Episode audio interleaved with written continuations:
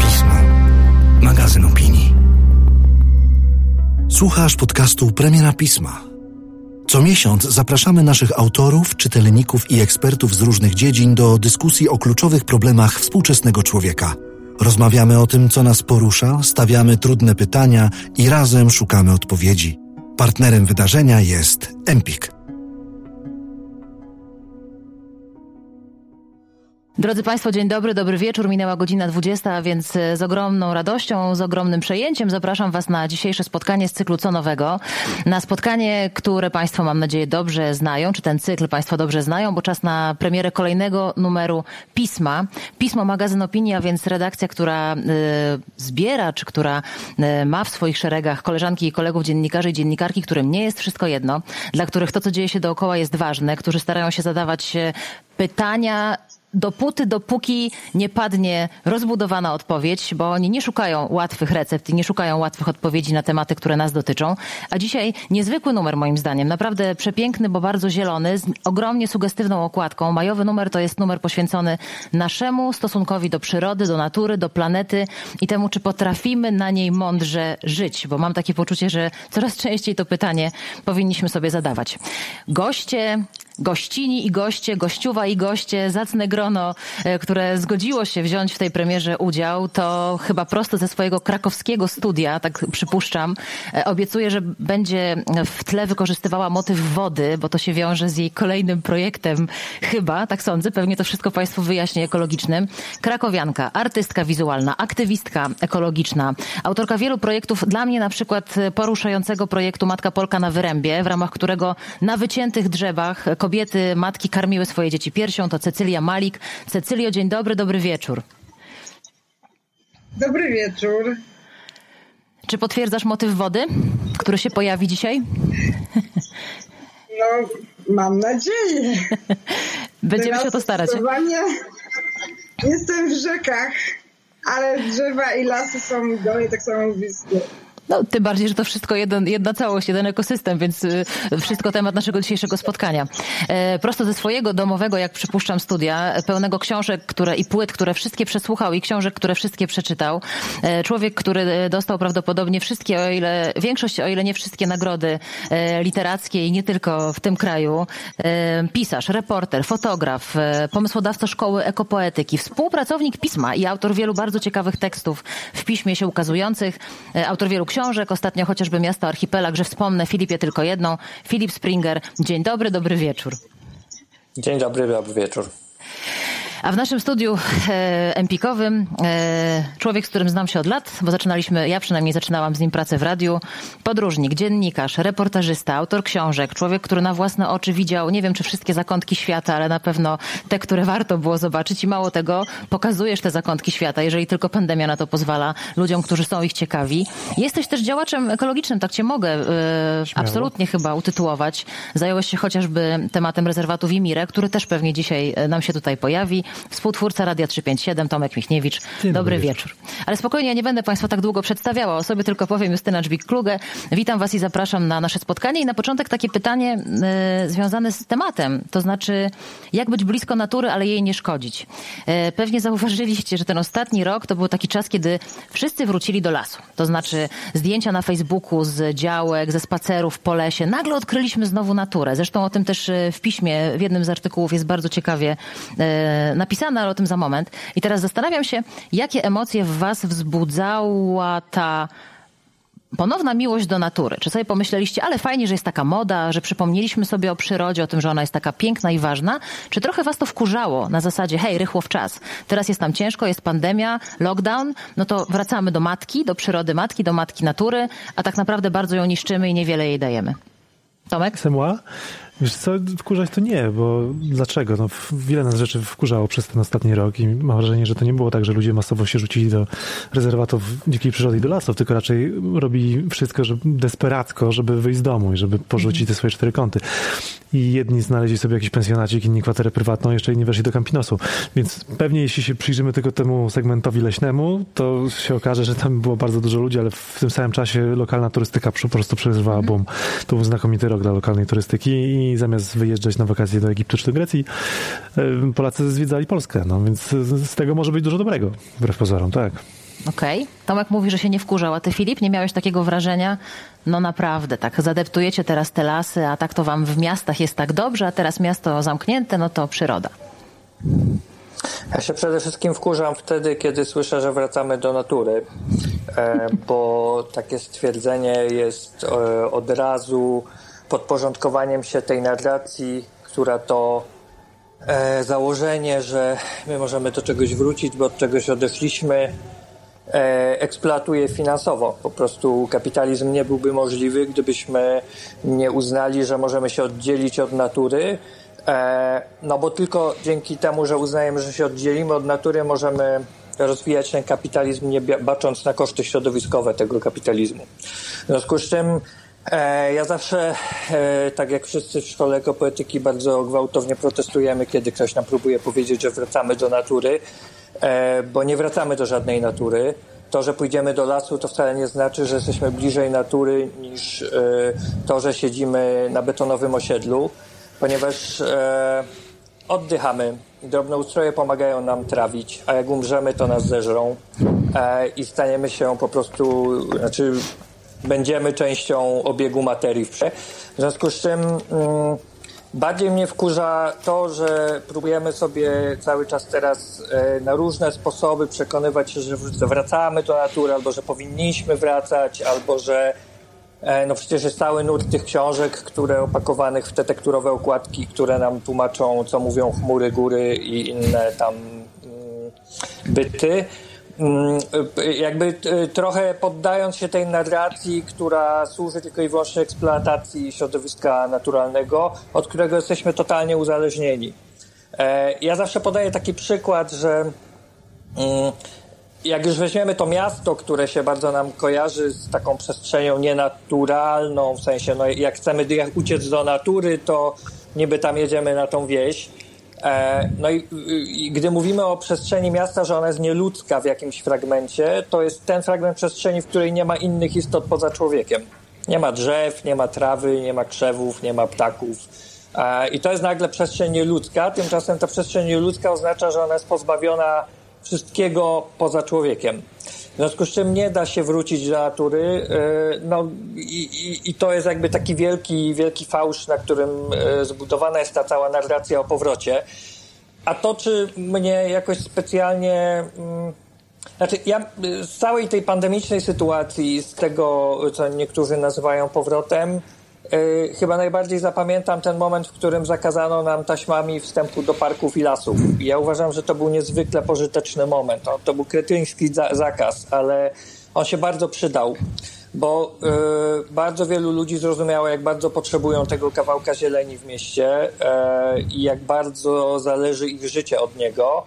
I to, że oni stracili takie, znaczy dostali taki administracyjny zakaz wejścia do tego, co było kompletnie nieuzasadnione, sprawiło, głęboko w to wierzę, że jak kiedyś komuś przyjdzie do głowy, żeby wyciąć ten fragment, to ci wszyscy ludzie, którzy wtedy w tym kwietniu poczuli ten nagły brak, to nie, że od razu staną i się przypną do tych drzew, ale może będą trochę bardziej godliwie protestowali przeciwko temu. Więc myślę, że z tych wszystkich e, różnego rodzaju zwrotów i refleksji związanych z tym, jak bardzo zależymy od środowiska pozaludzkiego, pozaludzkiej przyrody, e, ten wydaje mi się najistotniejszy. Mhm. Cecylia, jak ty na to patrzysz? Ja sobie pomyślałam, że przy okazji tej pandemii mogliśmy sobie tak zdać trochę sprawę, jak my mało mamy tej natury.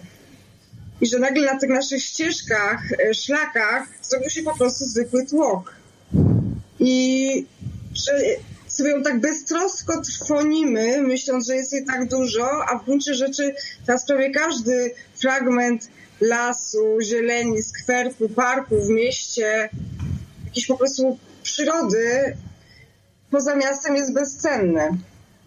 I po prostu powinniśmy go po prostu tak sobie cenić, mogliśmy to zobaczyć, bo że nie mogli, nie mogli iść do supermarketów w różne miejsca, więc rzeczywiście poszli na ten spacer w mieście i te nasze takie miejsca, gdzie spokojnie sobie e, spędzaliśmy czas, robiły się tłoczne. Nie mówiąc o tym, co się działo w Tatrach, stało kilkakilometrowe e, korki i po prostu droga do Morskiego Oka na inne popularne szlaki, jak e, do Częstochowy. Podobnie na gorczańskich szlakach. Także te popularne szlaki zrobiły się po prostu bardzo tłoczne. Mhm. I pytanie, czemu nie, robimy, nie ma więcej parków narodowych, więcej takich miejsc naprawdę chronionych? Pomyślałam sobie o tym, jaka bardzo cenna jest ta przyroda i że ją trwonimy i że mamy, mamy jej w sumie wcale nie tak dużo. Mhm. Jasne. Ja bym się, słuchajcie, odniosła do tego, co y, powiedział Filip o, tym, o tej narracji, że to jest nie, nie do końca tak, że jest powrót do natury, że ciebie to drażni. Ja się odwołam do tego tekstu, który napisał Adam Robiński w piśmie, tekstu, który się nazywa Krok w tył, bo skąd u mnie to hasło powrotu do natury? On pisze tak, że ostatni rok był rekordowy no, pod względem powrotu ludzi, czy pojawienia się ludzi w przyrodzie. Y, związane z pandemią utrudnienia w podróżach, o których mówił Tomek, międzynarodowych, spowodowały, że pojechaliśmy na urlop w kraju. I tak, oblężenie przeżywał choćby Bieszczacki Park Narodowy. W samym tylko wrześniu na jego szlaki weszło ponad 131 tysięcy osób, o 64% więcej niż we wrześniu rok wcześniej. O 20% więcej w stosunku do roku wcześniejszego Karkonosze. Czyli byśmy jakoś, no, do, rzeczywiście patrzyłam na bardzo wiele gdzieś te fotografii znajomych z parków narodowych, odwiedzanie, więc jakiś taki powrót do czegoś, o czym nie wiem, zapomnieliśmy, czy może nie ceniliśmy tego, tak jak mówi Cecylia, bardziej chyba był. Nie macie takiego wrażenia? Ja nie, nie mam. Moim nie. zdaniem natura już dawno się stała produktem, który jest opakowywany i sprzedawany. E, I to, co Filip przed chwilą mówił, jakby, co to znaczy powrót do natury? Znaczy co, pędzimy e, jakby własne nalewki, mamy krowę za domem. Niektórzy jakby, tak pieką no Niektórzy chleb, tak, no ci, no, których na to tak. stać, którzy mogli zrezygnować z swojego wielkomiejskiego życia. I to są jednostki, które media bardzo lubią pokazywać, ale to są jednak jednostki. Nie mówimy tutaj o masowej skali. Wiesz, kupno jogurtu z jagodami akai to nie jest powrót do natury, umówmy się, tylko to jest marketingowy produkt, który tak został akurat opakowany. Więc y, jest mnóstwo influencerów, takich live guru i różnych innych ludzi, którzy zarabiają po prostu niezłe pieniądze na tym, że pozycjonują się na tym rynku jako, jako tacy pośrednicy między tym, tym cywilizowanym świecie, światem XXI wieku i tym, tym antycznym, prawdziwym, cudownym, wspaniałym światem natury. Ale oni nie mają z naturą tak naprawdę nic wspólnego. Z naturą to może mieć coś wspólnego Adam, który jest naprawdę znakomitym specjalistą od Bieszczad. Y, to są leśnicy, to są biolodzy, to są ludzie, którzy się zajmują oceanami, którzy się zajmują, którzy się zajmują ekosystemem y, leśnym, górami i tak dalej. To są ludzie, którzy mają coś wspólnego z naturą, a nie ludzie, którzy, którzy pewne jej emblematy, emanacje opakowują i sprzedają wszystkim innym pod hasłem natura. No wiesz, wróciłem do domu i zjadłem batonika, tak? No ależ jestem bardzo Ale naturalny. byłem w lesie, tak? tak, więc ja, ja, bym chyba tak? nie postrzegał krótkiego wypadu do lasu i zrobienie sobie tam dwóch selfie z, z, jako, jako powrotu do natury. No to jest po prostu jedna z rozrywek, która była dla nas bardziej dostępna w trakcie pandemii albo poprzez ograniczenie innych stała się po prostu jakby bardziej atrakcyjna. Y, dla mnie to jest element tego samego, czyli, czyli jakby chwilowej ucieczki od tej naszej betonowej codzienności. No ciekawie mówisz, natura jako rozrywka, natura jako produkt. Filip, co ty na to? Też tak na to patrzysz, że y, ja nie, ja nie bronię tej tezy, tylko bardziej was pytam, bo, bo też o tym jest y, rozmowa, którą proponuje nam pismo, tak? Na ile bo dla niektórych ten powrót do natury to jest coś super, tak? I niektórzy naprawdę w to wierzą. Niekoniecznie, że zjedzą jogurt z, z jagodami akaj, tylko właśnie, że pójdą do tego lasu, tak? Że w tym lesie pooddychają, że to jest ważne. To nie, niesłusznie, Filip, czy słusznie? Że gdzieś tam w to wierzymy, tak? Że ten człowiek teraz, no przecież się mówiło o odpływie z miasta na wieś, że odkrywamy, przypominamy sobie zapomniane, rzucić wszystko, wyjechać w Bieszczady. To są wszystko całkiem niedawne hasła. To tylko hasła? No i to są wszystko narracje, które służą napędzaniu konsumpcji. Jakby nie widzę w tym jakiegoś pocieszającego e, zwrotu w kierunku większej wrażliwości na rzecz pozaludzkiej przyrody. I mhm. e, nie mam wrażenia, żeby to, co się działo w ostatnim roku, wymuszone ograniczeniami pandemicznymi, E, niosło jakąkolwiek nadzieję, co zresztą tekst Adama Robińskiego znakomicie pokazuje. E, mm, I tutaj oczywiście pojawia się w tym tekście pojęcie dzikości, które tam zdefiniowane jest przez dwóch badaczy mhm. jako w Polsce, jako taki obszar, który bodaj w kwadracie 4 na 4 kilometry nie ma żadnej infrastruktury. Infrastruktura jest rozumiana tu przede wszystkim jako drogi, E, no i takich obszarów w Polsce wydzielono 88. No one stanowią tam już niecały procent powierzchni ziemi. Większość z nich i tak znajduje się na obszarach chronionych, czyli e, w jakichś parkach narodowych. E, no i teraz możemy się zastanawiać też nad tym pojęciem dzikości, bo wydaje mi się, że refleksja nad pojęciem dzikości jest bardziej użyteczna niż reflektowanie nad tym, czy my wracamy do natury, gdyż jak już powiedziałem na początku, nie możemy do niej wrócić. Jesteśmy w nią uwikłani, jest to nasza cecha. Mhm. E, no i teraz z tą dzikością jest problem, zwłaszcza w Polsce, ponieważ e, no jeżeli sobie uznamy ten parametr, który jest przyjęty i omówiony w tekście Adama Robińskiego, czyli te 4 na 4 km bez dróg, no to mamy 88 takich obszarów. No jak weźmiemy inne zanieczyszczenia, wiemy o zanieczyszczeniu, nie wiem, mikroplastikiem, wiemy o zanieczyszczeniu dźwiękiem, wiemy o zanieczyszczeniu Nie wiem, czy Filip jest z nami, ale damy jeszcze moment. Chyba nam uciekł, ale wraca. Filipie, jesteś z nami? Uciekłeś, ale wróciłeś. Jesteś? E, u, tak, ja taką ładną myśl miałem. Nie? Ale spokojnie, ja złapię. Mhm. O, mówimy o zanieczyszczeniu mikroplastikiem, mówimy o zanieczyszczeniu okay, dźwiękiem. Czyli niedaleko się urwało, niedaleko się urwało. E, mówię, że jeżeli weźmiemy pod uwagę te zanieczyszczenia, czyli nie tylko takie twarde elementy infrastruktury, które nam jakoś tam ingerują w przestrzeń, ale też takie niewidzialne często, e, a słyszalne, no to takich obszarów nie ma nie tylko w Polsce, dzikich, w tym rozumieniu niedotkniętych przez człowieka, ale ich nie ma na Ziemi.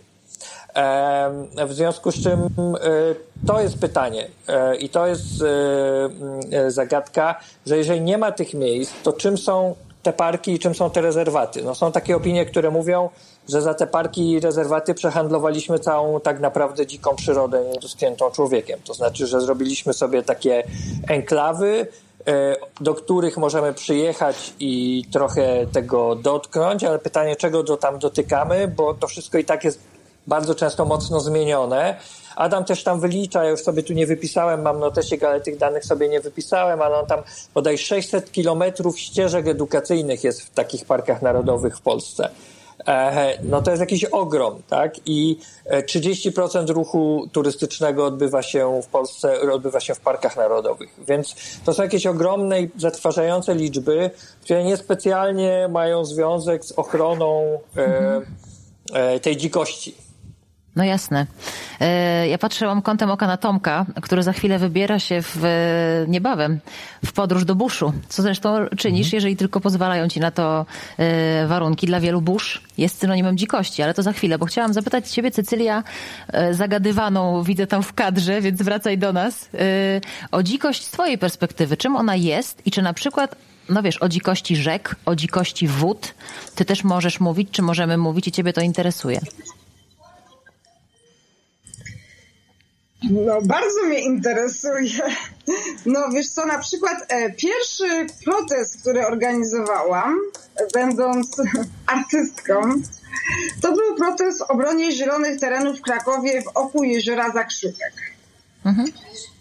E, mogliśmy tych terenów bronić dzięki temu, że na tych terenach występował motyl modraszek, następnie gniewoż plamisty, gatunki na europejskiej liście zwierząt chronionych gruncie rzeczy wcale nie, nie, na przykład ja nie broniłam tak naprawdę motyka modraszka tylko i wyłącznie czy gniewosza plamistego, tylko broniłam zielonych terenów dla moich dzieci, dla mnie, dla przyjaciół, dla starszych pań, dla ludzi, którzy mieszkają w okolicy i dla których jakieś takie miejscem szczęścia, chwili wytchnienia jest to, że mogą iść w piękne miejsce w mieście.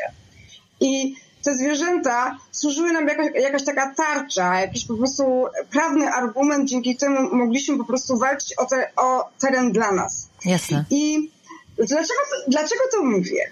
Bo ornitolog e, Kazimierz Walasz, który właśnie pomagał mi, sprawdzał, czy nie piszę głupot w tych tekstach do gazet, mówił mi, Cecylia, masz rację.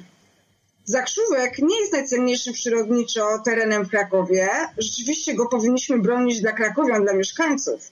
Natomiast takim miejscem najcenniejszym dla nas, najwięcej zwierząt mieszka naprzeciwko Zakrzówka, po drugiej stronie rzeki, w lesie łęgowym nad Wisłą.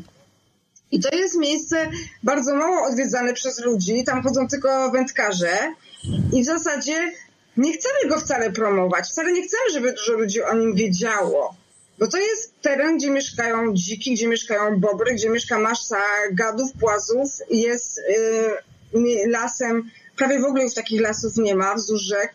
Okresowo zalewanym, na którym wyrosły sobie wierzby i osiki. Jest taką trochę naszą krakowską dżunglą. Więc nawet w obrębie miasta mamy różnego rodzaju przyrodę. Mamy taką przyrodę, która jest taka bardziej dla nas, żebyśmy po prostu mogli być odrobinę szczęśliwi w jakimś mogli doświadczać po prostu trochę piękna, trochę kawałka pięknego, normalnego świata, ale jest też przyroda, którą właśnie chcielibyśmy po prostu uszanować, że nie, nie jesteśmy sami mieszkańcami tego miasta. Czyli ty jeszcze takie, takie miejsce widzisz, tak? Na przeciwległych jakby biegunach tak, trochę. są takie miejsca. Znaczy są takie miejsca jeszcze.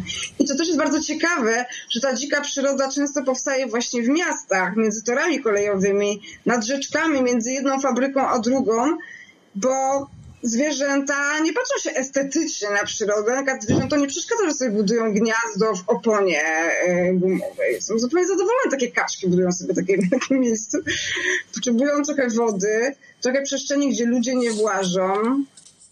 To takie enklawy dzikie często na wsiach, jak się jest gdzieś poza miastem, trudniej jest znaleźć niż właśnie rezerwaty, takie w takich miejscach opuszczonych, poindustrialnych, gdzie sobie tak niesamowicie zaczyna na swoich warunkach żyć przyroda. Mhm. No to słuchajcie, ciekawy, co na to Tomek, na ten wątek dzikości. No to jesteś podróżnikiem, widziałeś bardzo wiele różnych miejsc na świecie i to też jest taki powracający motyw właśnie, nietknięte stopą człowieka. Tak? Taka po, postkolonialna narracja no, białego tak, zamożnego tak, człowieka. Tak, tak. że jedyny biały w 100 kilometrów, ale, no, ale to jest Sienkiewicz. No poczekaj, do, do, do eksploratorów to jeszcze dojdziemy, tak, ale okay, o, o to dzikie miejsca, są, tak? są dzikie miejsca na świecie, są obszary, one zawsze są bardzo trudno dostępne i tylko dlatego są dzikie, nie oszukujmy się, gdyby tam mhm. były wygodniejsze drogi i krótsze dojazdy. Za chwilę byłaby masa turystów i, i pięciogwiazdkowe hotele, z całą pewnością. Ale jest trochę takich miejsc w Hindukuszu, w Karakorum, w Himalajach, w Amazonii. Jakby można znaleźć takie miejsca. Natomiast w znakomitej większości przypadków, ja tutaj się zgadzam z tym, co mówił Filip przed chwilą, nie ma czegoś takiego jak dzicz. Dzicz jest pewnym konstruktem, w którym to nie przyroda ma tak naprawdę priorytet. Bo gdybyśmy mówili o prawdziwej dziczy, o takiej ochronie przyrody FEST, to wyznaczałabyś granicę rezerwatu dzikiej przyrody i zabroniła tam wchodzić ludziom bo mhm. tam przyroda ma mieć priorytet, mhm. tak? Więc teraz, jeśli wspomniałaś Afrykę, e, we wszystkich krajach Afryki subsaharyjskiej tak jest, e, że dzisiaj już przetrwanie dzikiej przyrody na, danej, na danym terenie, no nie, nie wiem, czy dzikiej właśnie, jakby zwierząt biegających wolno, powiedzmy, a nie, a nie, nie dzikich, jest uzależnione od jednego z dwóch źródeł dochodów. Albo do nich się będzie strzelało, czyli będą sprzedawane na, na odstrzał komercyjnym myśliwym, na polowania, albo będzie się im robiło zdjęcia. Mhm. I o potęgę większa grupa turystów będzie tam przyjeżdżała, żeby robić zdjęcia z, z pokładu jeepów safari. I to są jedyne dwie drogi, które masz do dyspozycji, jeśli chcesz chronić jakiś spłachetek ziemi, na którym zwierzaki mają sobie radzić wolno. Ten koncept ochrony przyrody w naszym rozumieniu jest w ogóle z tamtej perspektywy totalnie abstrakcyjny, bo wyobraź sobie mm, teren wielkości naszego powiatu, powiedzmy, na którym jest tam, nie wiem, 1500 czy 2000 dużych ssaków i one sobie biegają, masz słonie, masz żyrafy i tak dalej, tak dalej.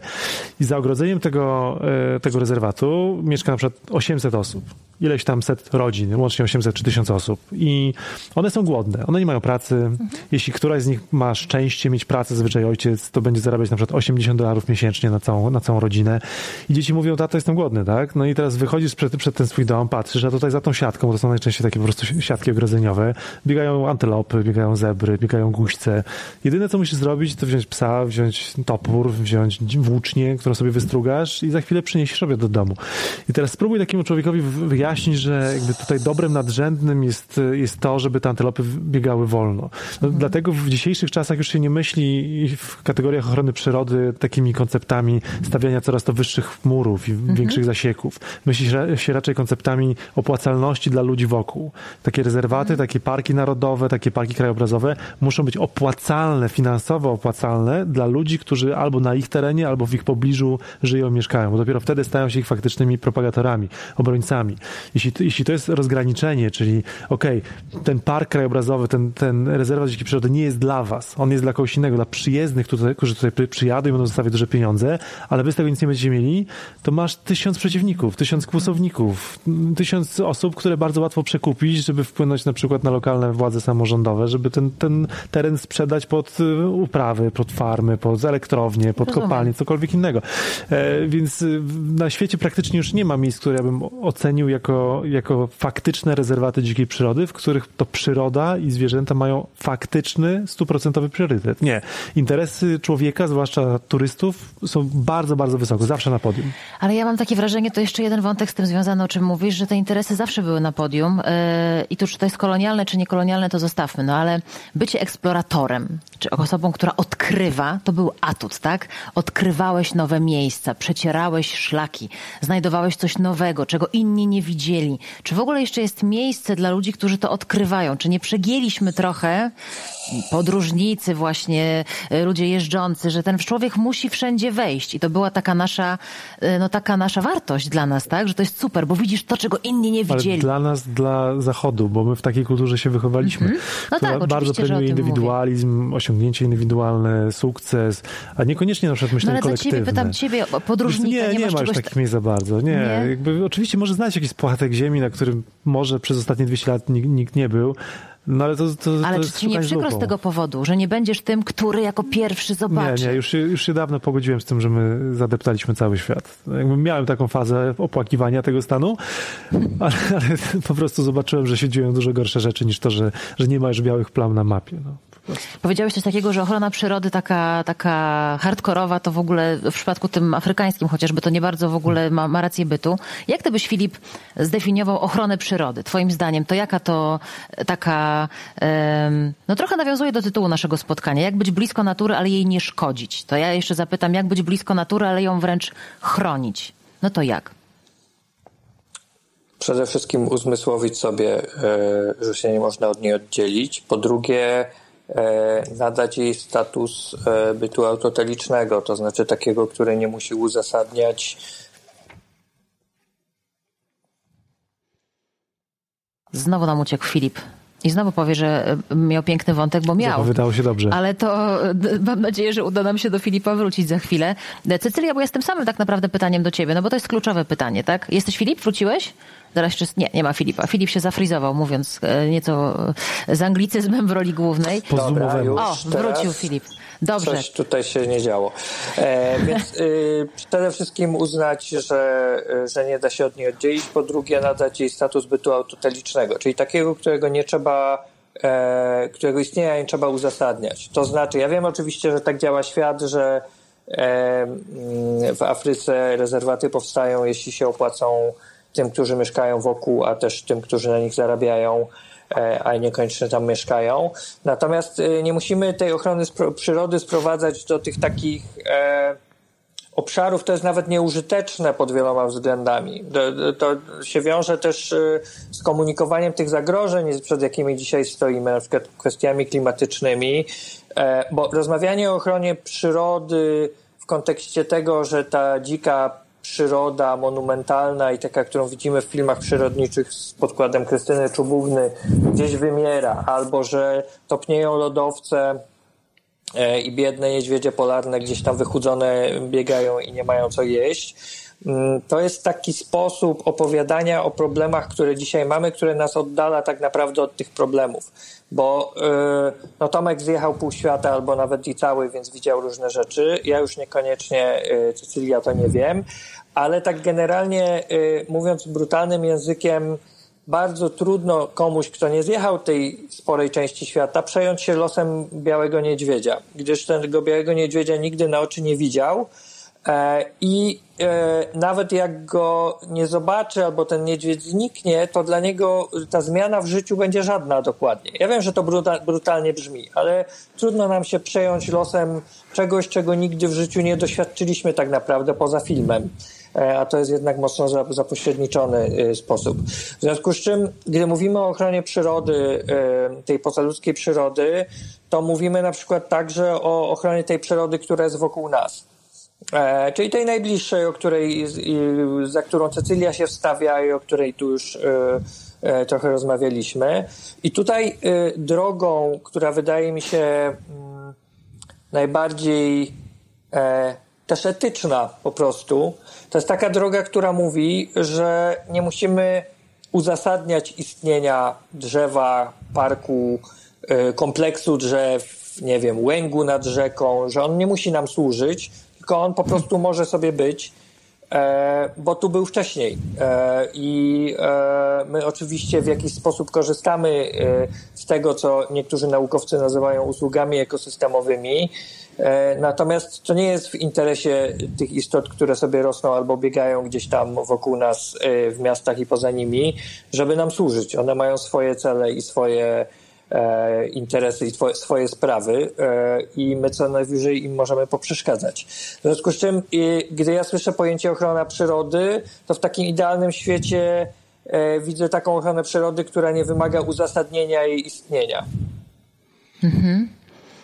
No muszę ci powiedzieć, że y, też w mojej głowie zasiałeś wiele takich ale, ale, ale, ale, ale jak to z ten, na przykład chociażby to, co mówiłeś o tym, to na chwilę się jeszcze od, odwołam do tego, co powiedziałeś, a potem Cecylia, pytam ciebie o tę ochronę, to co, czym ty się zajmujesz, tak, o ten sposób też mówienia właściwie, no o tym, jak powinniśmy mówić, tak, czy jak warto byłoby mówić o przyrodzie. No ale z jednej strony, no niby nie przemówi do nas ten biały niedźwiedź, ale jak połączysz topniejące lodowce z ogólnym efektem, czy ze zmianami klimatycznymi i pokażesz człowiekowi bezpośredni wpływ, bo to jest jakiś, czy po, no pośredni, ale jednak wpływ na jego życie, to wszystko jest jedna całość. Nie sądzisz, że to jednak przemówi, jeżeli, jeżeli tak to wytłumaczymy? Że ten niedźwiedź z każdym się w jakiś sposób wiąże jednak, nie? To naiwne. Hmm? Nie, znaczy ja nie sądzę, żeby to działało. Zresztą są przykłady na to, że y, już największe e, media wycofują się z tego typu narracji. Dziennik The Guardian zdecydował bodaj dwa lata temu o tym, że wycofuje się całkowicie mm, z komunikowania czy ilustrowania kwestii klimatycznych zdjęciami tego typu, ponieważ e, to w żaden sposób nie jest perswazyjne. Perswazyjne jest to, co nas dotyczy bezpośrednio, co zresztą przerabialiśmy w piśmie. E, moja współpraca z pismem zaczęła się od cyklu Zmiana klimatu już tu jest i ten cykl polegał na tym, że objechałem Polskę od y, Helu po nie wiem, Kędzierzyn-Koźle e, i pokazywałem, że w różnych miejscach te zjawiska związane z katastrofą klimatyczną, która też jest opatrzona tymi takimi sfetyszyzowanymi datami 2030 i 2050, prawda? To są daty z raportu IPCC. Jasne. E, że, te, że ta zmiana już się dzieje teraz, że to nie jest kwestia przyszłości i naszych dzieci i wnuków, tylko że to jest kwestia, która nas dotyczy. I odzew na te teksty był o tyle zdumiewający dla mnie, że bardzo wiele osób pisało, że nie mieli pojęcia, że te zjawiska, które już ich w jakiś sposób dotykają, gnębią, sprawiają pewną trudność w życiu, że one są związane z katastrofą mhm. klimatyczną. Jestem przekonany, jeśli miałbym mówić o takich naszych doświadczeniach, czy bardziej intuicjach, które próbujemy wypracować e, w szkole ekopoetyki. Jestem przekonany, że opowiadanie o tym, co najbliżej nas, co często jest może mniej spektakularne niż zawalające się czoło lodowca, a jest po prostu wyschniętą rzeczką, która nazywa się Noteć, a wygląda tak naprawdę jak rów e, taki wzdłuż drogi, bo jest we wczesnej, jest u samego źródła ta noteć, więc nie wygląda spektakularnie, że to są te, te zjawiska, e, które, mhm. e, które powinniśmy opowiadać i którymi, na, na podstawie których powinniśmy budować e, opowieści. Jest taka książka Magnasona, nigdy nie pamiętam imienia, charakter ją wydał o czasie mhm. i wodzie. E, I tam opowieść o lodowcach jest o tyle sensowna, że to jest islandzki autor, który w założeniu pisze dla islandzkiego czytelnika, który widział lodowiec pewnie już w dzieciństwie, bo pojechał z rodzicami na weekend na lodowiec. E, no, w Polsce mamy trochę inny, inną sytuację, inny kontekst i z tego kontekstu powinniśmy wyciągać, że tak powiem, szkielety dla naszych e, opowieści o tych wyzwaniach związanych z ochroną przyrody czy z zagrożeniami takimi planetarnymi. No to w tym kontekście, o którym mówisz, jest w 100% Cecylia. To dziel się swoimi obserwacjami i doświadczeniami. Na ile to, co ty pokazujesz, jak ty mówisz o tym, co dzieje się z przyrodą, z naturą w najbliższej okolicy, w najbliższym otoczeniu, na ile to działa i na ile to właśnie, na przykład, czy zgadzasz się z tym, co mówi Filip, że to jest ta ochrona przyrody, tak? Chociażby tego ptaka, który sobie uwił gniazdo w tej oponie, o której opowiedziałaś. Czy jednak tę ochronę przyrody postrzegasz inaczej? Wiesz co, dla mnie ważne bardzo jest podmiotowe traktowanie przyrody i myślę, że Filip to trochę powiedział, tylko trochę inaczej. Mm, wiesz, teraz pojawiają się takie artykuły, że w jakimś kraju Nowej Zelandii na przykład rzeka dostała osobowość prawną, czyli że ma swoich pełnomocników, którzy dbają o jej dobrostan. W zasadzie jest uznana jakoś za istotę, a nie tylko za ciek wodny, który ma czemuś służyć. Mhm.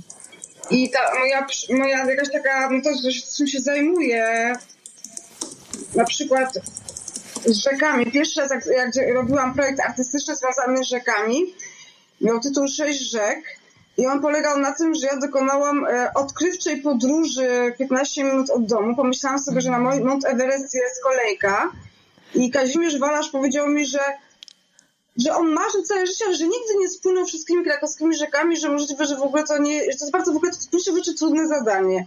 I wykonaliśmy tą podróż wszystkimi krakowskimi rzekami i ja jako stara krakowianka z dziada, pradziada niemalże byłam w każdym miejscu po raz pierwszy w życiu. Może oprócz mhm. centrum, bo one płynęły zupełnie inaczej. Tak jak ruch dróg miasta budowane są po okręgach, obwodnice, Rzeki zazwyczaj płyną prostopadle i przychodzą przez takie tereny, do których bardzo trudno się jest dostać.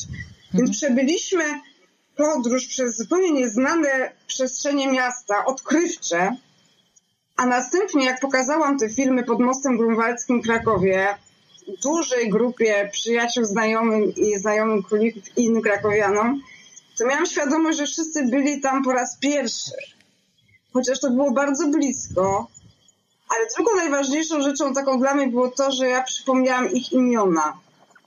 Było bardzo mi wstyd, że jak Kazimierz Walasz zapytał mnie, czy ty wiesz, Cecylia, ile jest rzek w Krakowie i wymień wszystkie, to ja zapomniałam na przykład imienia Dubni.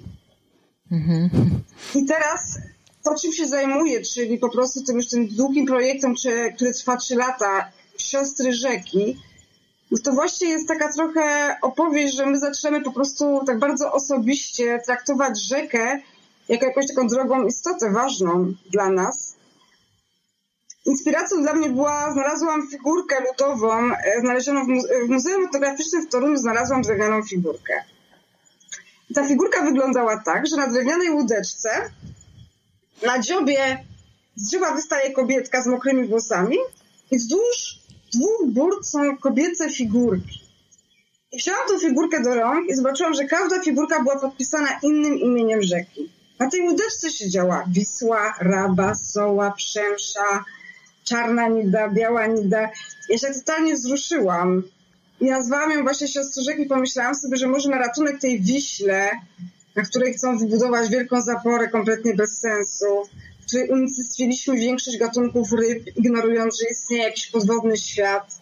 Że na ratunek tej Wiśle przybędą jej siostry inne rzeki, że po prostu poczujemy, tak poczujemy to. Mhm. No, dużo wam opowiedziałam, ale tak sobie właśnie zastanawiałam się nad tym wszystkim wiele razy i sobie pomyślałam, że po prostu my, my zrobiliśmy się bardzo pyszni jako ludzie. Właściwie ta przyroda przestała nam trochę zagrażać, przestaliśmy się jej bać i przez to też przestaraliśmy mieć jakiś respekt do niej. I ta w gruncie rzeczy ta walka z rzekami, której straszymy, boimy się tylko tych powodzi i suszy, polega na tym, że my przestaliśmy szanować rzekę, że ona na przykład daje nam wodę, życie, wszystko i to, co ona od nas oczekuje, to że będziemy ją szanować w ten sposób, że stawimy jej trochę przestrzeni. Że ona mhm. będzie miała swoje miejsce, no bo w sumie też jest tą groźną rzeką. I władowaliśmy się na jej przestrzeń i teraz po prostu się szarpiemy, walczymy z nią, ale zupełnie zapomnieliśmy o takim traktowaniu, że to jest ta rzeka, którą szanujemy, cenimy, może kochamy, może się też trochę boimy.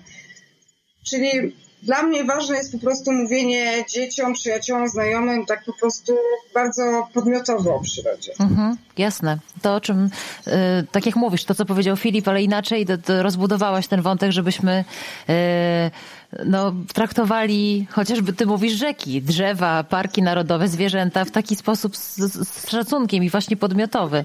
Ale z tej skali, e, może nie mikro, ale z tej mniejszej skali do większej skali, czyli do skali też e, odwiedzania świata, czy jeżdżenia po świecie. Wydaje mi się, że to jest naturalne, że my jako ludzie chcemy odwiedzać, chcemy być, chcemy zwiedzać, chcemy podróżować, chcemy iść do lasu, no chcemy być w różnych miejscach i to nie jest chyba nic złego. Tak, tak mi się wydaje, że to nie jest nic nagannego.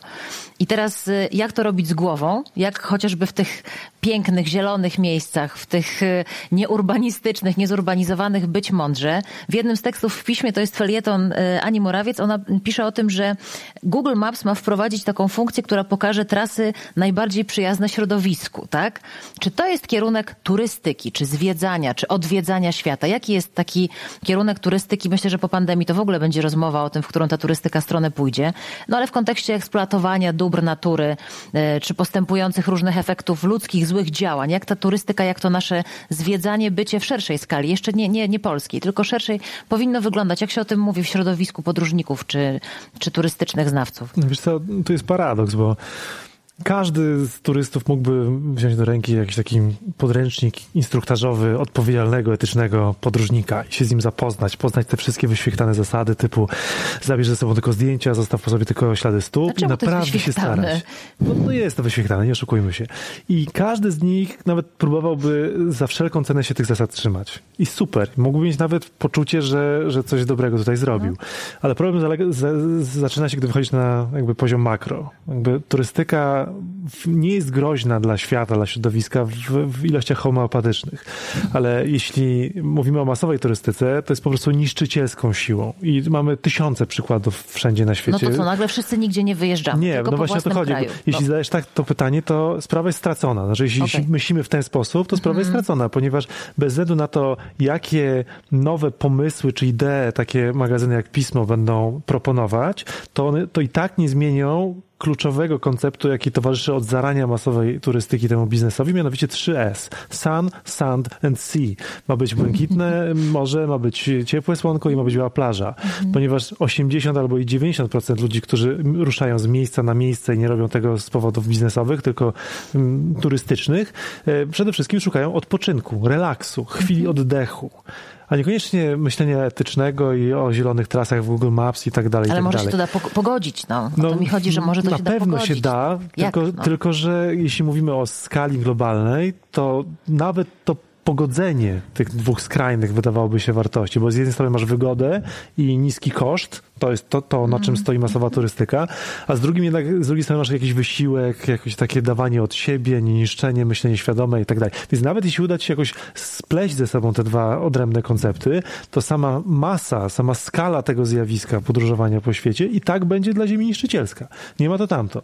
Więc y, dopóki będziemy chcieli ten świat zwiedzać, a będzie nas coraz więcej globalnie chciało ten świat zwiedzać, co, co pokazują bardzo liczby na przykład hinduskich turystów, chińskich turystów, turystów, którzy, się, którzy jeżdżą po świecie na tą zachodnią modłę. Mhm. Więc tutaj mówimy o, o rzędzie wielkości więcej tak naprawdę. Więc dopóki będzie istniała masowa turystyka, dopóty e, będzie świat niszczyła. Oczywiście ja jestem częścią tego przemysłu i, mówię, jakby biję się w pierś też, bo, bo, bo, bo jestem za to współodpowiedzialny. E, ja nie znam sposobu i nie, no spotkałem się z nikim, kto by znał sposób na to, jak e, spowodować, żeby masowa turystyka nie była tak niszczycielska. Ona przynosi trochę dobrego światu, też nie oszukujmy się, bo podróże są najlepszą na przykład formą takiej ambasadorki międzykulturowej, niszczenia stereotypów, niszczenia uprzedzeń. Masz jakieś wyobrażenie w głowie, pojedziesz, do dotkniesz, zobaczysz, pogadasz, nagle wracasz, kurczę, no już trudno jest wrócić do takiego uproszczonego myślenia, że to są brudasy, że to jest to, że tam złodzieje, że to pijoki, że to chamy. To wszystkie stereotypy generalnie nie wytrzymują zdarzenia z rzeczywistością. Okazuje się, że tam też są ludzie, którzy myślą tak jak ja, mają podobne no, priorytety, jasne. chcą mieć spokój, są dobrzy dla swoich dzieci i tak dalej, i tak dalej. Więc jakby wracasz bogatsza o to bezpośrednie doświadczenie, które niszczy stereotypy. To jest najlepsza metoda walki ze stereotypami. E, no to jest, to jest ta do, dobra strona, ale koszty, jakie planeta przede wszystkim ponosi z tytułu funkcjonowania tego przemysłu są no, niebotyczne, są o wiele większe niż wszystkie korzyści, jakie wynosimy. No problem z tym, że turystyka jest źródłem dochodu dla bardzo wielu ludzi. No proszę, Kenia 10% PKB to jest turystyka. Malediwy 85 do 90% PKB jest pośrednio albo bezpośrednio uzależnione od wpływu z turystyki. Więc y, nawet gdybyśmy uznali globalnie na kolejnym paryskim y, konwencie, no to teraz stawiamy na, na przyrodę i ochronę środowiska, to, to połowa, znaleźć pieniądze połowa świata to, tak? nas nie stać. No, my nie jesteśmy w stanie. No i idea upadnie. No dobrze, ode, ode, odebrałeś mi tutaj y, może nie tyle nadzieję, ale y, szukajmy rozwiązań. Y, szukałabym. Filip, do ciebie pytanie, no bo a propos tego, o czym mówi Tomek, tak, że nie wiem, czy Filip jest z nami, jest, że ta turystyka masowa w założeniu, no tak działa i to inaczej się nie da. No tak jak mówi się pod kątem jedzenia, czy pod kątem tych produktów żywnościowych, że powinniśmy jeść sezonowe produkty. Jak jest rabarbar, to rabarbar, a nie banany. Jak są jabłka, to jabłka w Polsce, a nie e, truskawki z Hiszpanii zimą, tak? Tylko truskawki wtedy, kiedy są w Polsce. Czy tak samo twoim zdaniem powinno być z turystyką, czy z odwiedzaniem miejsc, że na przykład no w Polsce jeździmy w Bieszczady, tak? I nie jeździmy, nie wiem, na Zanzibar albo nie lecimy na Fuerteventurę, tylko jesteśmy w naszym obrębie. Nie wiem, czy to kiwasz głową, więc może to jest jakaś, jakaś opcja. No tylko wtedy odcinamy sobie możliwość już nawet nie eksplorowania, ale poznania tego tak kompletnie innego świata od naszego. To zawsze coś za coś, no. Ale może to jest jedyne wyjście na przykład, tak?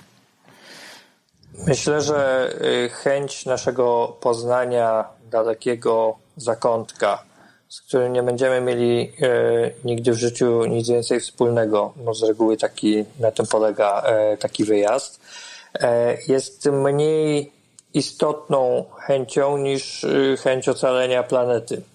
E, więc e, po prostu musimy się zgodzić co do tego, że pewnych rzeczy e, nie możemy robić, jeżeli chcemy w ogóle tutaj przetrwać.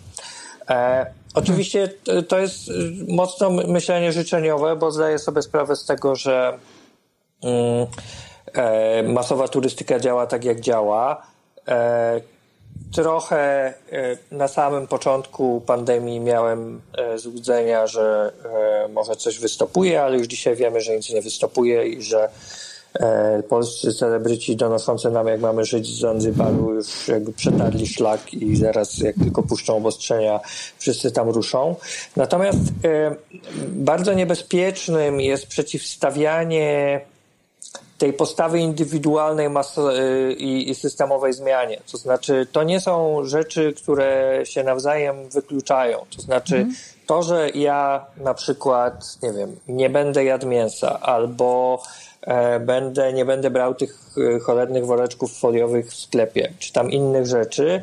Mam całkowitą, stuprocentową świadomość, że to w skali globalnej niewiele zmienia. Ale powtórzę za Julią Fiedorczuk, z którą robimy szkołę ekopoetyki, że e, jeden woreczek foliowy to być może jeden żółw morski więcej, i dla mnie to jest ok. Znaczy, te, te, te, ten zysk jednego żółwia, mówiąc językiem neoliberalnego kapitalizmu, mnie całkowicie y, satysfakcjonuje, ale y, nie można tych postaw, które właśnie, że ja będę podróżował etycznie, y, ale i tak cały świat lata na to 3S, e, nie można postrzegać tylko w kategoriach sprawczości, a można postrzegać w kategoriach stylu, czy wręcz po prostu w kategoriach etycznych, że e, i wtedy ta sprawczość schodzi na plan dalszy. Ona jest jakaś, niewielka, no bo mhm. ten jeden żółw albo ta jedna słomka, no to co to zmienia?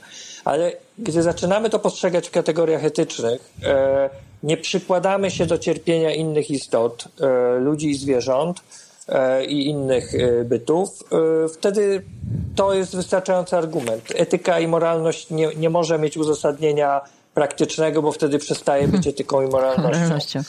W związku z czym mm, mi się wydaje, że po prostu trzeba, że to jest jedyne wyjście z tego klinczu. Bardzo często w tych dyskusjach dotyczących środowiska, klimatu i tak dalej przeciwstawia się konieczność systemowych zmian i indywidualnych wyborów, że albo można robić to, albo to. No nie, trzeba robić to i to, e, mhm. mając świadomość, że te indywidualne kwestie to są, to już są dzisiaj kwestie etyczne. I w tym sensie ja bym sobie bardzo życzył, żeby coraz mniej Polaków wyjeżdżało yy, za granicę i latało albo na dwa dni do Barcelony, albo na e, jakieś, jakieś dalekie podróże. Uważam, że utrata tego, mm, tej możliwości nie zrujnuje nas wszystkich duchowo i intelektualnie, że w świecie, w którym mamy bardzo wiele możliwości komunikowania się i wiem, że internet nie zastąpi podróży, możemy próbować wypełniać te luki na inne sposoby. Natomiast uważam, że Myślę, że w pewnym momencie to i tak będzie niemożliwe po prostu, że świat e, znękany e, kwestiami klimatycznymi będzie na tyle niebezpieczny w wielu rejonach, że te podróże się po prostu skończą, też staną się zbyt drogie ze względu na to, e, jakie e, to są koszty środowiskowe. Ale to jest pewnie daleka przyszłość. Myślę, to jest. Aha brak udziału w tym będzie zmieniał jakoś fundamentalnie w sposób konkretny świat urywa nam Filipa w takich znaczących momentach, to jakaś tutaj, jakiś los e, w ten sposób miesza. E, zgadzasz się z tym, Tomek, że to jest tak, że no, zamienimy Dominikanę na Podlasie? Na zawsze. Zobacz, albo długofalowo, tego, że albo naszych, że przestawimy sposób myślenia. Na naszych lokalnych no. zrobił się tłok, gdy przestaliśmy wyjeżdżać z Polski, tak? I gdy zaczęliśmy szukać mhm. bliżej siebie podobnych atrakcji. Mhm. E, moim zdaniem jest szansa na to, że po pandemii ta lokalna turystyka, która jest najmniej kosztowna dla środowiska, jakiś taki renesans przeżyje, że zaczniemy sobie odkrywać Podlasie i Mieszczady i Dolny Śląsk, czy Kaszowy, czy, czy Żuławy, czy różne inne regiony, czy to na rowerze na przykład, czy w ogóle mhm. pieszo. No jakby, że, że trochę wrócimy do takich tramperskich klimatów i harcerskich, i bieszczadzkich tam z lat 60. czy 70. Mhm. biwakowych, tak.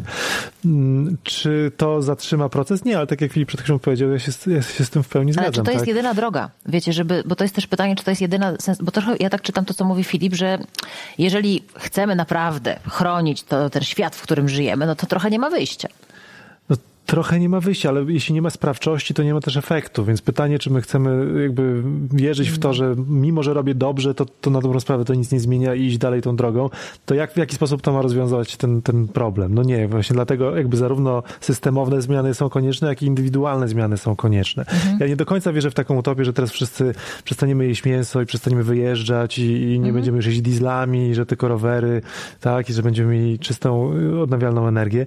Nie wierzę w to, ponieważ nie wierzę w mm, skłonność człowieka do tak radykalnych zmian w swoim mhm. życiu i do ponoszenia kosztów w imię no, niedostrzegalnej z jego perspektywy zmiany rozłożonej w czasie.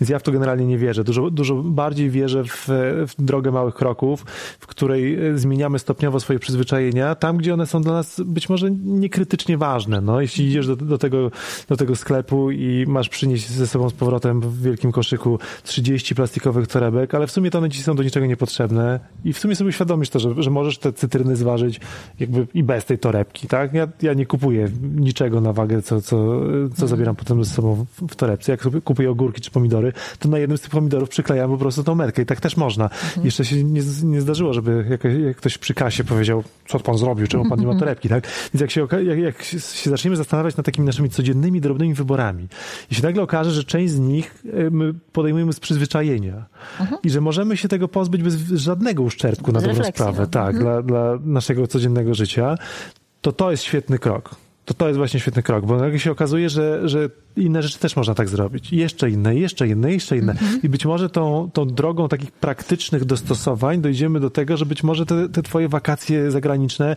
to nie muszą być co roku. Ja nie wierzę Aha. w to, że przestaniemy wyjeżdżać w ogóle, mm -hmm. ale może jak raz na trzy lata pojedziesz wiesz, do Grecji, to też coś będzie. -hmm. no, to, to jest już olbrzymia zmiana w skali, w skali mhm. masowej. Że dzisiaj na Kaszuby, za rok na Podlasie, a za trzy lata do Egiptu. Okej. Okay. Więc mhm. nie wierzę w to, że my w ogóle przestaniemy latać do tego Egiptu. Natomiast wierzę w to, że jest możliwe, że będziemy bardziej świadomie mm, tymi zasobami jakby zarządzać. Jakby, czyli będziemy sobie mhm. zdawać sprawę z tego, jakie koszty te moje wybory generują i jakby godzić się z tym, że, że nie jestem w stanie zejść do zera tej sumy mhm. kosztów, natomiast, że jesteśmy w stanie je radykalnie ograniczyć po prostu naszymi wyborami konsumenckimi. Mhm. Tutaj Tomek mówiłeś o takim, czy z Filipem mówiliście o takim tym spojrzeniu indywidualnym, każdy z nas na siebie. Ja teraz patrzę na Cecylię, która wchodzi cała ubrana na biało, bo ty jesteś taką osobą, przed chwilą też o tym opowiedziałaś w kontekście tej, tej, tej, tej rzeźby, czy tej, tych figurek, które cię natchnęły do pewnego, do zmiany myślenia, do innego spojrzenia. I teraz tak sobie pomyślałam, keep calm and be Cecylia Malik po prostu. Czy każdy twoim zdaniem z nas mógłby być trochę tobą? To znaczy rozejrzeć się dookoła, spojrzeć inaczej. No, no dlaczego kosmos? No słuchaj, może to jest, ja nie mówię, że w takiej skali i tak wiele, nie, nie tak wiele projektów, okej, okay, no ale chociaż jeden, żeby wybrać. Nie, serio. Powiedz nam, co zrobić, żeby dosięgnąć to jabłko z tego drzewa, tak? Filip pokazał, że to jest dobre rozwiązanie. No właśnie, czy to jest wiesz, to jesteś, no, oczywiście, że się uśmiecham, tak, ale pewnym symbolem osoby, która, która widzi dookoła i robi z tym coś, tak? Czy ciebie to dużo kosztowało na przykład? W takim kontekście, że musiałaś, nie wiem, naprzekonywać ludzi, albo namarnować czasu, albo się namęczyć, albo nadenerwować. No jak, jak się od ciebie zarazić, no? Ja przede wszystkim, e, wiesz to, jeśli chodzi o mnie, ja się nie zajmuję taką ekologią, ja nawet nie lubię tej ekologii, ekologiczny krem, ekologiczne jedzenie. Celowo nie użyłam ja tego słowa prostu... ani razu dzisiaj. Absolutnie, celowo. Dzięki, dzięki. Ja po prostu y, strasznie nie chcę, żeby oni mi wszystko zepsuli, co ja kocham i co lubię. Wzykam swoje kochane drzewo albo po prostu najpiękniejsze miejsce na świecie, y, na którym znalazłam skrzydło wysiweczki na wyspie na Wiśle, to ja po prostu, to jest mi najbardziej potrzebne do szczęścia, więc ja po prostu walczę o moją ojczyznę po prostu, którą kocham. Więc to jest e, e, taka ta pobudka, że jestem takim po prostu walecznym człowiekiem, dlatego po prostu organizuję protesty jak umiem. Ale e, zgadzam się z tym, że taka mm, wrażliwość na takie bliskie światy jest bardzo cenna. Mi się podobało w pandemii, że wrócę do samego początku, że jak dzieciom zamknięto place zabaw, które kochają, te puśtaweczki, zjeżdżalnie, to pod kopcem koło mojego domu powstało bardzo dużo szałasów. I nagle te gałęzie drzew stały się naturalnymi placami zabaw. I można było dzieci po prostu zmusić do najfajniejszych zabaw, które one w są zachwycone z nich, które myśmy robili w dzieciństwie. Czyli taka wrażliwość, że te niezwykłe krainy i wspaniałości naprawdę są blisko. I teraz powiem takie wzruszenie moje takie sprzed dwóch dni, bo dostałam, wysłał mi książkę Dominik e, e, Waligura, nie, tak? Mateusz Waligura. Albo Dominik Szczepański. Mateusz Waligura i Dominik Szczepański. Dominik Szczepański, Mateusz Waligura, to tak, właśnie. Napisali właśnie książkę Szlak Wisły. To była taka historia, że Dominik Waligura miał przechodzić na wskroś całą Australię. I on sporo zaczął się zajmować po prostu w swoich podróżach i wędrówkach po pustyni, zaczął pisać o zmianach klimatu. Zresztą bardzo pięknie też pisał o zmianach klimatu w Tybecie. I miał napisać o tej właśnie iść tą Australią, a tymczasem wybuchła pandemia i nie mógł polecieć. I postanowił, że pójdzie na nogach wzdłuż Wisły od źródła do Morza Bałtyckiego.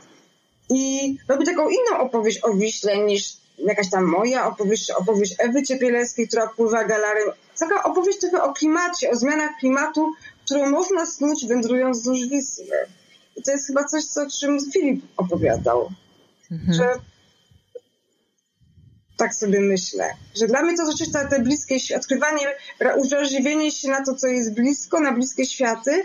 Ogólnie słowo mniej. I to, czym się zajmujemy w Krakowie w ostatnich czasach, to że miasto nam niszczy tą naszą bliską przyrodę przez to, że tak strasznie chce ją urządzać i chce wydawać bardzo dużo pieniędzy na, na urządzanie jej. Że wszędzie chce robić lunapark nieprawdopodobny, zamiast po prostu zostawić ją w spokoju. Nie potrzebujemy tego. Więc to nasza potrzeba jednak tego kapitalizmu, tego wydawania wszędzie straszliwych pieniędzy, nawet na infrastrukturę turystyczną, spowoduje, że więcej ludzi będzie tam chodziło, będzie bardziej dostępna, będzie bardzo zagrożona, bardziej zagrożona, bardziej zniszczona. Myśmy tak po prostu troszeczkę mniej mieli pieniędzy, to byłoby lepiej. Tego, to, to, tego się nie spodziewałam, chociaż ja bardzo rozumiem głębię tego przesłania, ale faktycznie jest to odważne zdanie w dzisiejszych czasach, żeby jednak było mniej tych pieniędzy. Słuchajcie, to teraz na no, ale podsumowanie... Wiesz, Unia, Unia, ale tylko powiem do zdania. Ale ja to Unia rozumiem. Europejska mm. robi prawo ochrony przyrody, natury 2000 i w ogóle z drugiej strony ona nam daje pieniądze na niszczenie przyrody. No to jest taki problem. No jasne, jasne. E, ja sobie jeszcze myślę o tym tekście Adama Robińskiego. Ten tekst się nazywa Krok w tył. I teraz zastanawiam się, czy to wszystko, o czym teraz mówimy, e, do czego doszliśmy, tak? Do tego może raz na trzy lata Grecja. Może jednak nie do Australii, tylko wzdłuż Wisły. Czy to jest twoim zdaniem, Filip, krok w tył, czy krok w przód? E, no, krok w tył w tym sensie nie takim ewolucyjnym, to znaczy, że my się mm, teraz cofniemy do jakiejś cofniemy się w rozwoju. E, to też pytanie, jakbyśmy zdefiniowali sobie e, rozwój jako taki, bo to, z czym mamy dzisiaj do czynienia, to nie do końca można chyba tak nazwać. Mm, ale krok w tył w sensie zastanowienia się nad tym, co my robimy. I ja to tak odczytuję.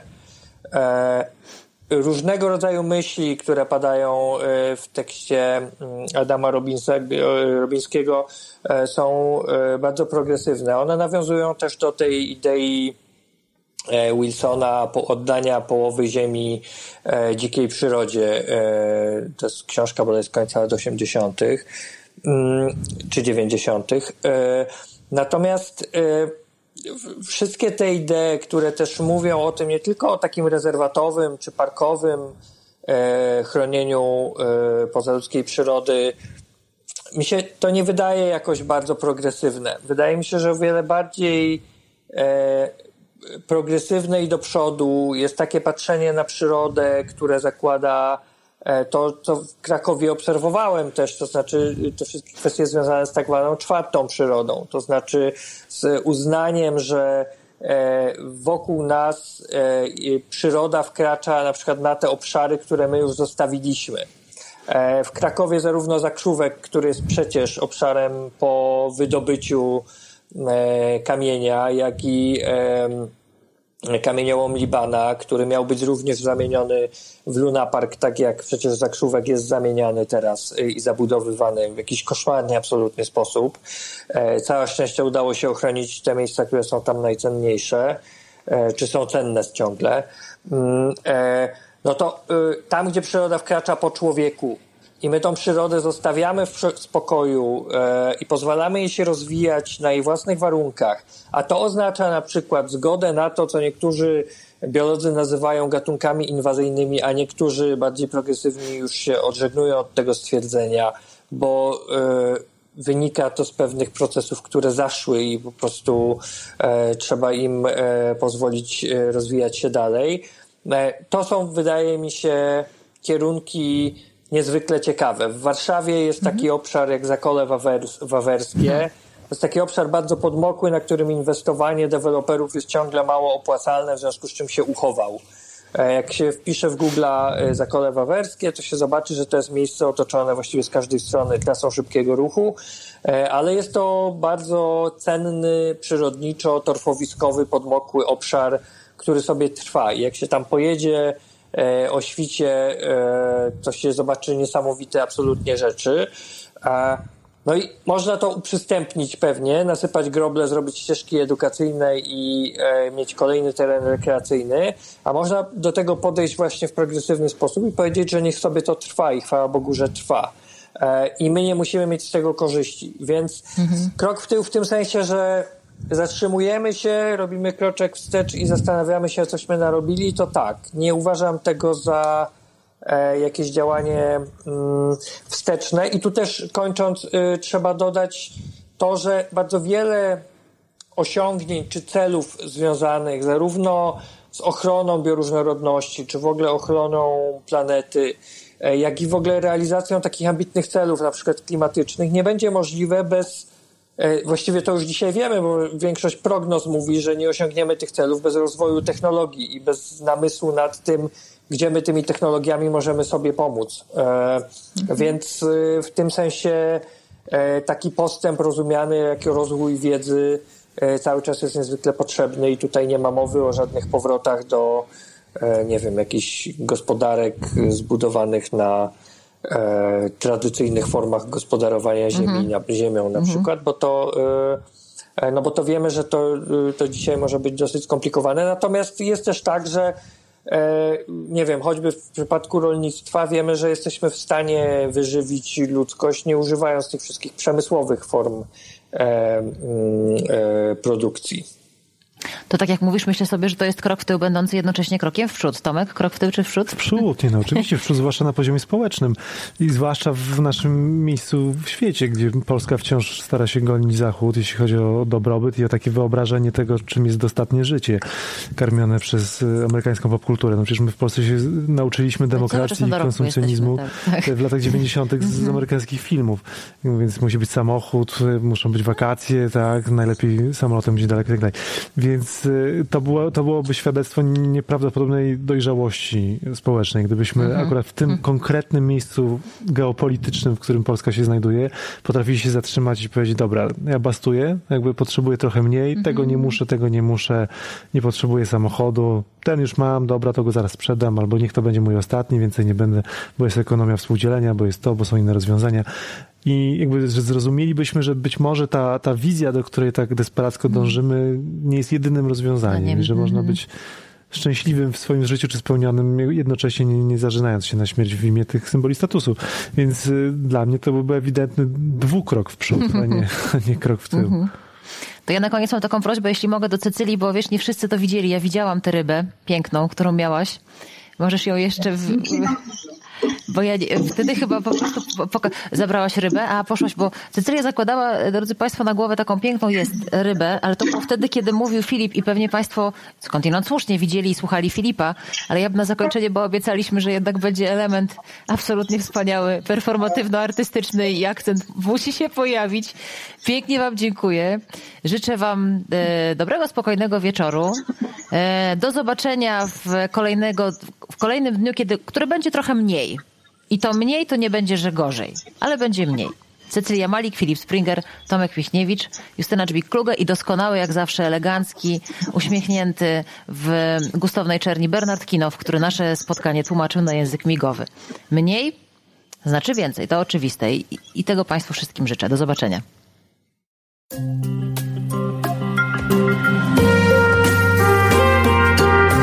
Pismo. Magazyn opinii.